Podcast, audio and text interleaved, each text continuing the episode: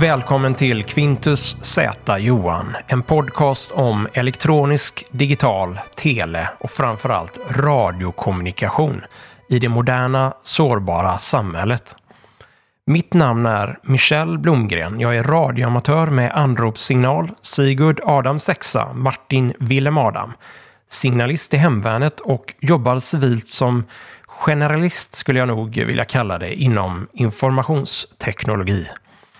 Jag har bland annat hjälpt till med IT-infrastrukturen under branden i Västmanland 2014. Jobbat som specialist på ett av världens ledande företag inom telemetri samt jobbat med IT-säkerhet ett antal år. Det har blivit eh, många timmar framför tangentbordet genom åren, men under en period av mitt liv så spenderar jag rätt mycket tid ute i naturen. Ett jobb på deltid gjorde detta möjligt och en vanlig vecka kunde jag sova tre nätter ute i skogen. Det som fick mitt friluftsintresse att gro var mitt intresse för överlevnad. Och eh, som så mycket annat jag blev biten av så djupdök jag i ämnet och eh, spenderade min första natt i skogen mitt i vintern med enbart en sommarsovsäck, en presenning och lite förstärkningskläder. Enda sättet natten inte blev fullständigt obehaglig var att hålla igång elden. Det är fortfarande ett eh, ganska starkt minne och eh, strapatsen gav mer smak, ja, konstigt nog. Något år senare gjorde jag en liten instruktionsfilm om överlevnad och ett koncept baserat på fem punkter jag hade utvecklat efter många andra nätter framför jägartelevisionen i skogen. Det blev ett par avsnitt till i denna serie om överlevnad som då laddades upp på Google Video. På denna tiden kunde man bara ladda upp 10 minuters klipp på YouTube. Men idag så återfinns ett par av dem i en spellista på min YouTube-kanal Utesändaren. Jag hade kanske inte riktigt ambitionen att bli överlevnadsinstruktör, men har ändå hållit i några småkurser här och där. Jag har bland annat fått förtroendet att hålla flera rappelleringsmoment och säkrat gymnasieelever när de själva fått fira sig ner för en bergvägg. Skogen kan ge många fina minnen som säkert håller rätt bra livet ut.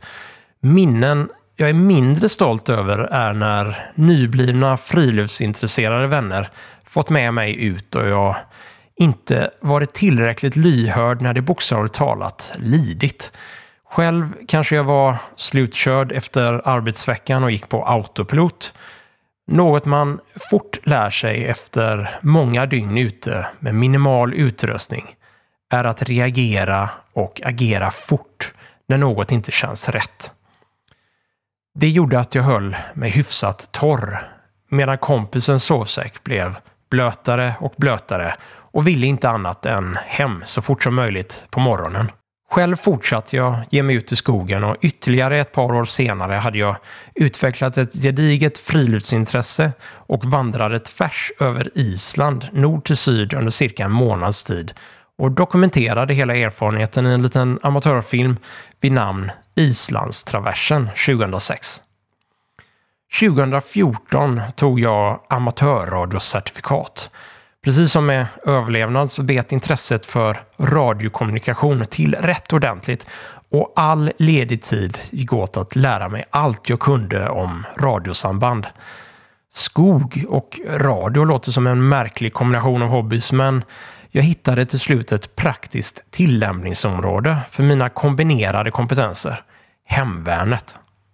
En stor anledning varför jag sökte mig till hemvärnet var att eh, kortvåg fanns med bland sambandsmedlen. Idag kanske man tänker lite annorlunda, men redan så sent som 2015 ansåg man kortvåg som ett rätt så förlegat sätt att kommunicera. Hemvärnet höll på att moderniseras och eh, bland annat var det sista Vietnamradiorna, det vill säga ultrakortvågsradion RA145 och även RA146 ersatta med Försvarsmaktens ordinarie frekvenshoppande ultrakortvågsstation från Ericsson, RA180. Förutom att RA180 innebar en ordentlig utbildningsinsats så kunde man bygga nät på ett helt annat sätt med denna radion. Om ni som lyssnar inte förstår det tekniska i det som just sades så hoppas jag få informera om vad kortvåg och ultrakortvåg är för något längre fram i detta avsnittet. Syftet med denna podd är att inspirera till fler radiointresserade och framförallt att vi blir fler radioamatörer i Sigurd Martin SM, det vill säga Sverige. SA till SM är landsprefix för Sverige enligt Internationella Teleunionen, ITU. Som signalist i hemvärnet kommer jag nog göra en och annan besviken när jag inte går in i detaljer rörande förmåga eller hur materielen används rent praktiskt och så vidare. Inte för att det är särskilt hemligt utan snarare att det är olämpligt att prata i detalj om. En svensk håller truten som idag har fått ersätta den gamla tigen. Det jag kan säga är att eh, hemvärnet har förändrats ordentligt de senaste åren och mycket av materielen på radiosidan är densamma som andra lätta skytteförband i Försvarsmakten utnyttjar. Vilka radiostationerna är, är ingen känslig uppgift då det omnämns i de offentliga handböcker som kan laddas ner på Försvarsmaktens och Hemvärnets respektive hemsida. Att man måste rätta munnen efter massäcken gäller även försvaret och då kan ni fundera över hur supermodern radioutrustning och oändligt många övningstimmar man kan köpa för dagens försvarsbudget. Hemvärnets stora styrka är frivilligheten och de civila kompetenser som följer med. Det har gjort att hemvärnet mer än väl har gjort det bästa med det vi har, som överbefälhavare Mikael Budén sa i en intervju i podden Chefsnack för inte så länge sedan. Det stora problemet vi har idag ur ett totalförsvarsperspektiv vilket inte bara omfattar de rekryter som senare blir signalister i Försvarsmakten, är att vi är väldigt vana vid ett mycket mer modernare sätt att inte bara kommunicera på utan även arbeta på än förr i världen. Det nya sättet är långt ifrån väl anpassat till kris, höjd beredskap eller krig. Något jag tänkt mycket på efter erfarenheten av att ha varit med och upprättat IT-stöd och infrastruktur för ledningsplatsen hos Ramnes hotell och konferens under skogsbranden i Västmanland 2014 är att den personal som anlände mer eller mindre förväntade sig att arbeta på ungefär samma sätt med IT-stöd, mobiltelefoni, kryptotelefoner och e-post som man gjorde på sin ordinarie ledningsplats i Västerås. Det är lätt att eh, kritisera i efterhand, men svaret är egentligen ganska enkelt. Man hade inget annat arbetssätt. Man hade vant sig allt för väl att arbeta på det mer moderna och därmed mer känsliga sättet. Eftersom man saknade utbildning och övningstid att arbeta på ett sätt som hade lämpat sig bättre för en framskjuten ledningsplats så fanns det inte så många alternativ. Den beredskap du har när brunsåsen träffar fläkten är den förmågan du får leva med. Du kan inte skaffa dig beredskap för det scenario du spelar för stunden, endast gilla läget. Och läget var att bygga upp den infrastruktur som det moderna arbetssättet krävde. Vi var tre personer som understödde ledningsplatsen med IT.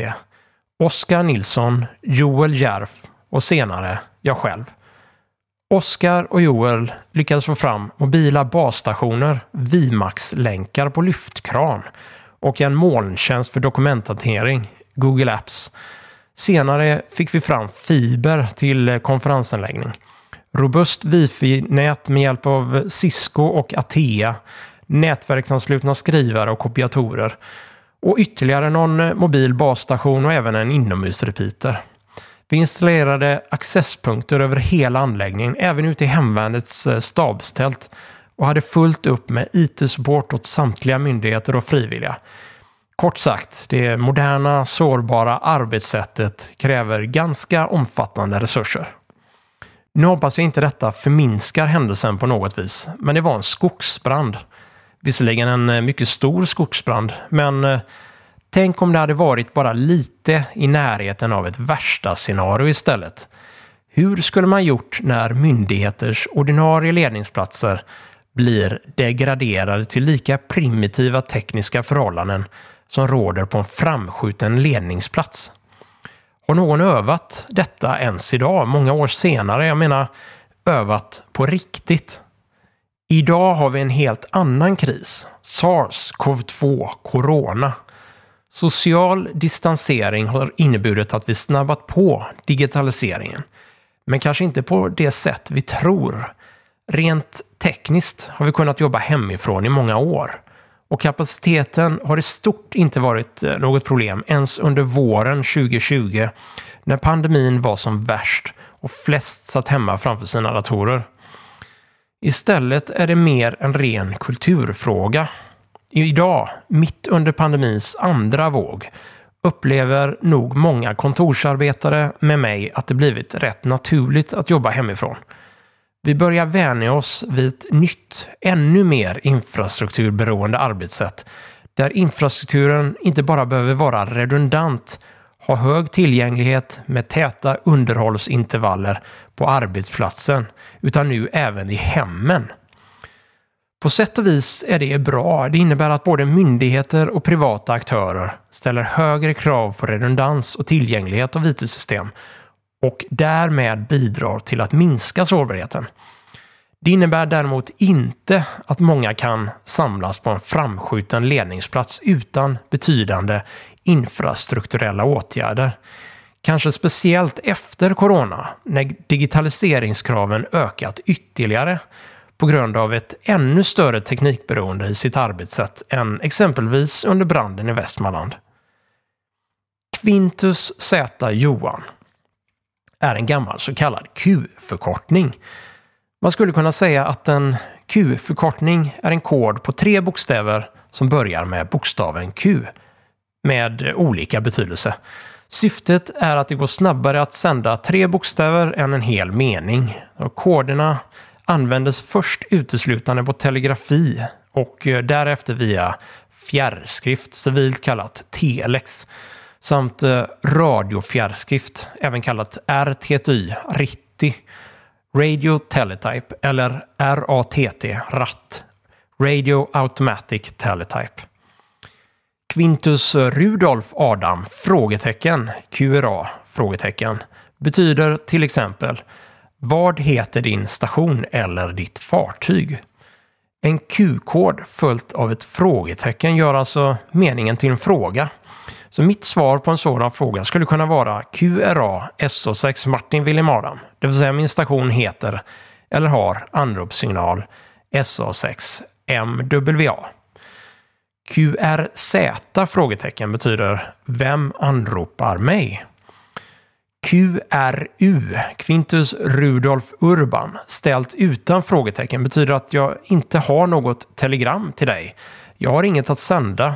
Så QRU används vanligtvis vid eh, förbindelseprov över telegrafi då efter man bekräftat förbindelse inte har något meddelande att eh, sända helt enkelt. Quintus Z Johan är en särskild militär Q-förkortning i svenska försvarsmakten och betyder att du inte kan höra din motstations svarssignaler på ultrakortvåg och du ber motstationen kvittera det meddelande på kortvåg istället. Eftersom man inte kan få ett svar via ultrakortvåg så kan Quintus Z Johan inte ställas som en fråga utan det var endast en uppmaning att gå över till kortvåg istället. Det moderna trådlösa samhället med wifi, mobiltelefoni inklusive mobilt bredband över 3G, 4G och nu 5G samt eh, kommunikationsradiolösningar med repeaterstationer i omloppsbana, det vill säga satelliter, eller då på marken, det vill säga basstationer som infrastruktur, går samtliga över ultrakortvåg. Quintus Z Johan får i denna podcast representera beredskap. Kanske är ordinarie sambandsmedel ultrakortvåg. Men när det inte fungerar måste man kunna övergå till ett alternativ, det vill säga ett eh, alternativt arbetssätt som är mer lämpat för mer primitiva förhållanden och inte kräver någon betydande infrastruktur. Det senare kommer att representeras av kortvåg i denna podcast. Inte bara bildligt utan även bokstavligt talat. Det råkar nämligen vara så att eh, kortvåg är ett utmärkt kommunikationsmedel när vi står inför ett värsta scenario. Men precis som brister i totalförsvarets beredskapsförmåga så finns det stora kompetensbrister hos många inom kortvåg. Av samma anledning som personalen som anlände till den framskjutna ledningsplatsen i Ramnes. Man har vant sig vid ett annat arbetssätt. Ett arbetssätt med mycket större bandbredd och friare rörlighet. Eftersom man saknade utbildning och övningstid inom något alternativt arbetssätt så kunde man inte, citat, kvittera meddelandet på kortvåg istället. Vad är ultrakortvåg och kortvåg? frågas kom. Svar. Ultrakortvåg är svensk benämning för VHF, UHF, SHF och EHF, vilket innebär frekvenser över 30 MHz. Kortvåg enligt eh, svenska försvarsmaktens definition är frekvenser mellan 1,6 och 30 MHz. ITU, Internationella Teleunionen, har inte samma indelning. Eh, med deras beteckningar innebär KV, kortvåg, andra hälften av MF, medium frequency, samt hela HF, high frequency.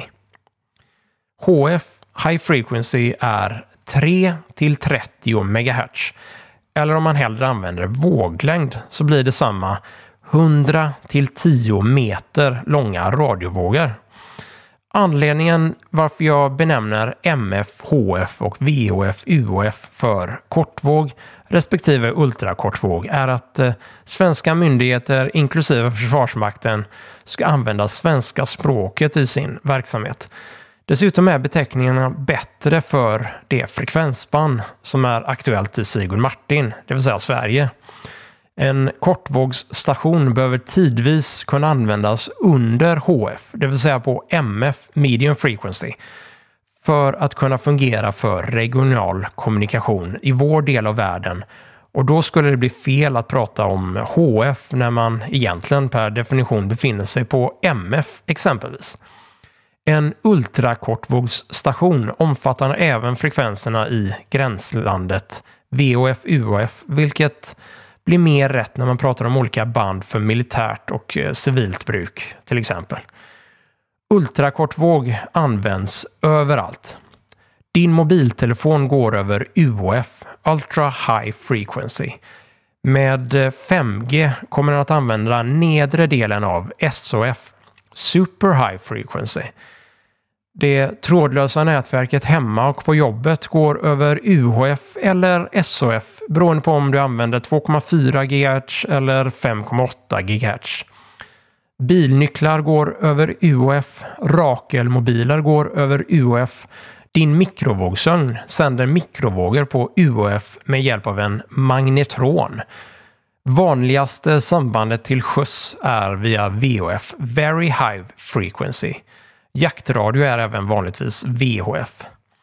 Satellitkommunikation går över UHF eller högre och eh, GPS-signaler når din GPS-mottagare på UHF. Och mycket mer till. Kortvågssamband övas sällan i någon betydande skala, åtminstone inte utanför Försvarsmakten eller utanför amatörradioklubbar. Det inkluderar FRO, Frivilliga radioorganisationen. Man håller just nu på att eh, damma av kortvåg som sambandsmedel för kris, höjd beredskap och krig inom FRO. Men man är inte där riktigt ännu. Om du är intresserad av att öva radiosamband på frekvenser som de flesta radioamatörer bara kan drömma om på kortvåg så hör av dig till eh, närmsta FRO-förbund. Det behövs fler som vill driva kortvåg inom FRO. Många av er associerar säkert kortvåg med telegrafi. Faktum är att eh, telegrafi är fortfarande ett av de mest effektiva sätten att överföra meddelanden på över kortvåg om man inte har tillgång till rätt så hög effekt. Telegrafi avskaffades 2003 inom svenska försvarsmakten och det sista kommersiella telegrammet sändes enligt uppgift 2013. Det betyder däremot inte att det är tyst på kortvåg.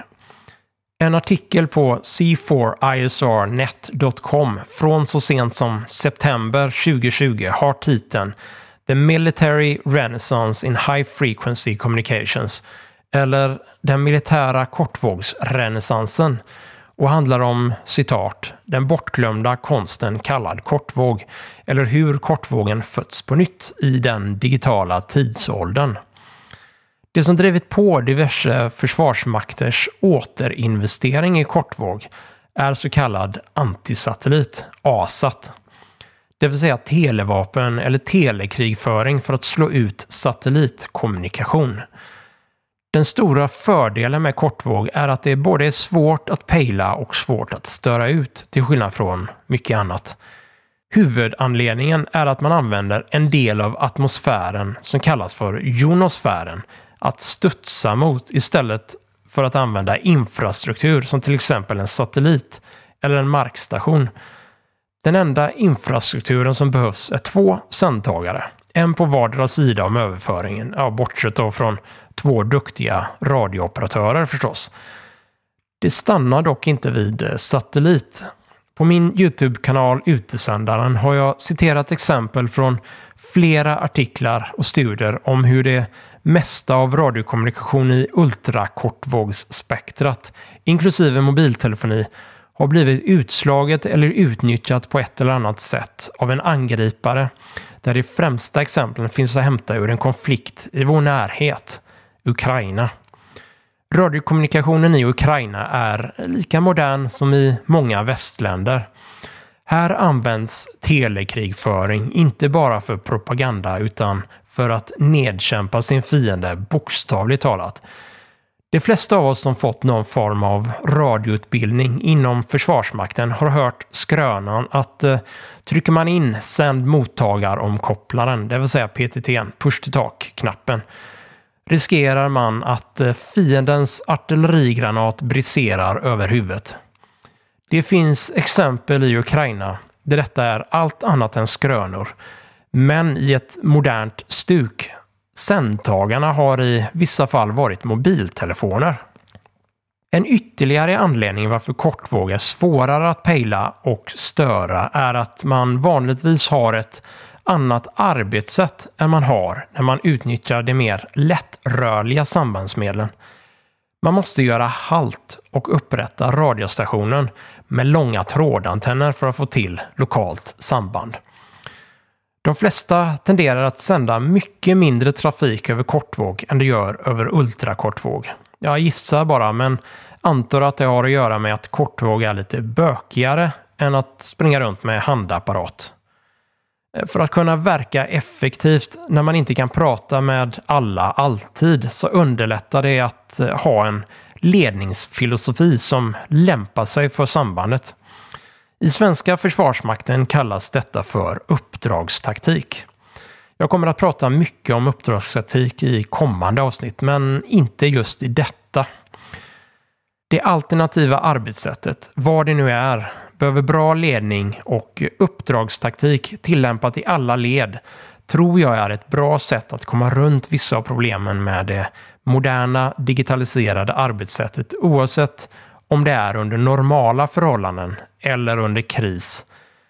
Det är däremot inte en lösning i sig. Bara för att kortvåg är lite bökigare än ultrakortvåg betyder inte det att det inte är fullt av radiotrafik. Det mesta är digital kommunikation idag, men från och till rattar man in morsekod, det vill säga telegrafi. Av en ren slump lyssnade jag in för ett par dagar sedan på ena hälften av ett kryptomeddelande där grupper om fem bokstäver sändes till en mottagare. På grund av atmosfäriska konditioner hörde jag bara ena parten av kommunikationen och jag hade missat inledningen med anropssignalerna om mer. Jag kunde därmed inte gissa vilket land sändningen kom ifrån och jag hade inte utrustning framme för att pejla. Men ett eh, någorlunda tränat öra hörde inte bara att det handlade om typisk militär signalering utan att sändningen gjordes med en så kallad handpump. Det vill säga manuell telegrafinyckel som man trycker ner för att åstadkomma de korta och långa tonerna.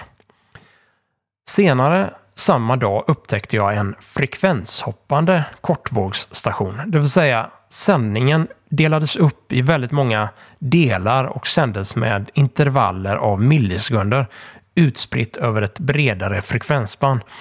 Däremellan var det allt från traditionell radiotelefoni, det vill säga röstkommunikation, vanligtvis kallat enkelt sidband, fullt av datoriserad röstsändningar med eh, väderleksrapporter till avancerad digital kommunikation. Man skulle kunna säga att jag under ett lyssningstillfälle upplevde hela radiohistorien. Från telegrafi till den supermoderna digitala frekvenshoppande stationen. Österut så både utbildas och övas det fortfarande på telegrafi. Och anledningen är inte bara att man saknar mer modern digital utrustning utan man, vill jag påstå då, vill ha ett alternativ när brunsåsen träffar fläkten.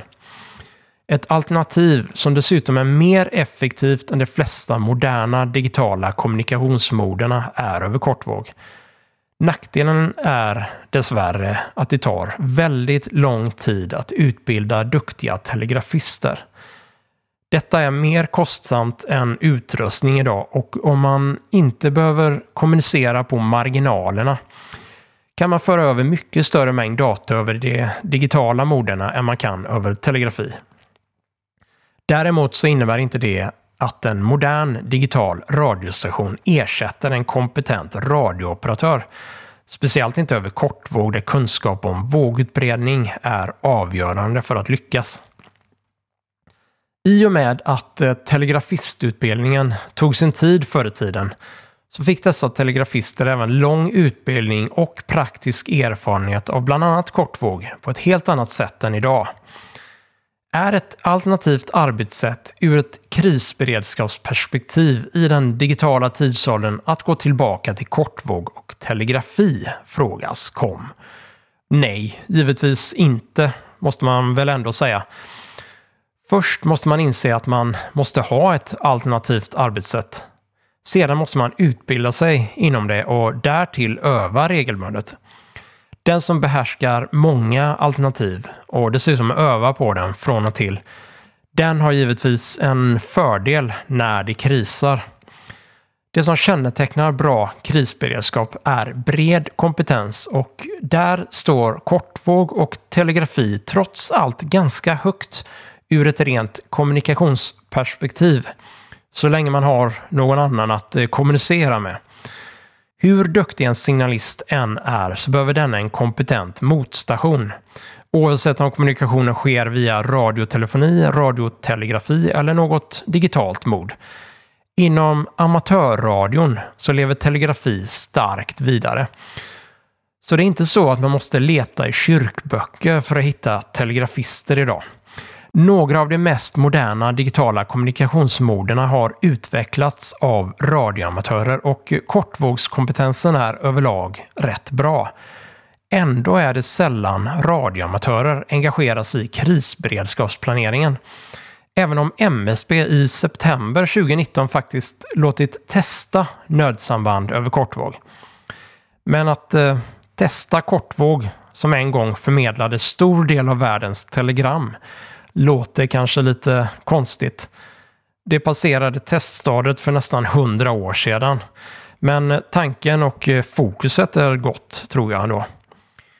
Quintus Z Johan kommer att fokusera på det som nämnts i detta avsnittet, vilket kan summeras med att väva samman kulturfrågor som ledarskap, speciellt uppdragstaktik, med olika sätt att förhålla sig till modern digital kommunikation. Ihop med de rent tekniska aspekterna där kortvåg kommer att ha en framträdande roll i kris, höjd beredskap och krig. Det kommer att bli ganska svårt i nuläget för mig att göra en podcast där jag bjuder in till diskussion, men jag är väldigt tacksam för frågor, önskemål och tips och kommentarer jag kan behandla i framtida avsnitt. Så skicka gärna in frågor och önskemål till min e-postadress Sigurd Adam 6 Martin Willem Adam snabela radiohorisont.se. Jag bokstaverar. Sigurd Adam 6 Martin Wilhelm Adam snabela Rudolf Adam David Ivar Olof Helge Olof Rudolf Ivar Sigurd Olof Niklas Tore. Punkt. Sigurd Erik. Sigurd Adam 6 Martin Willem Adam at radiohorisont.se.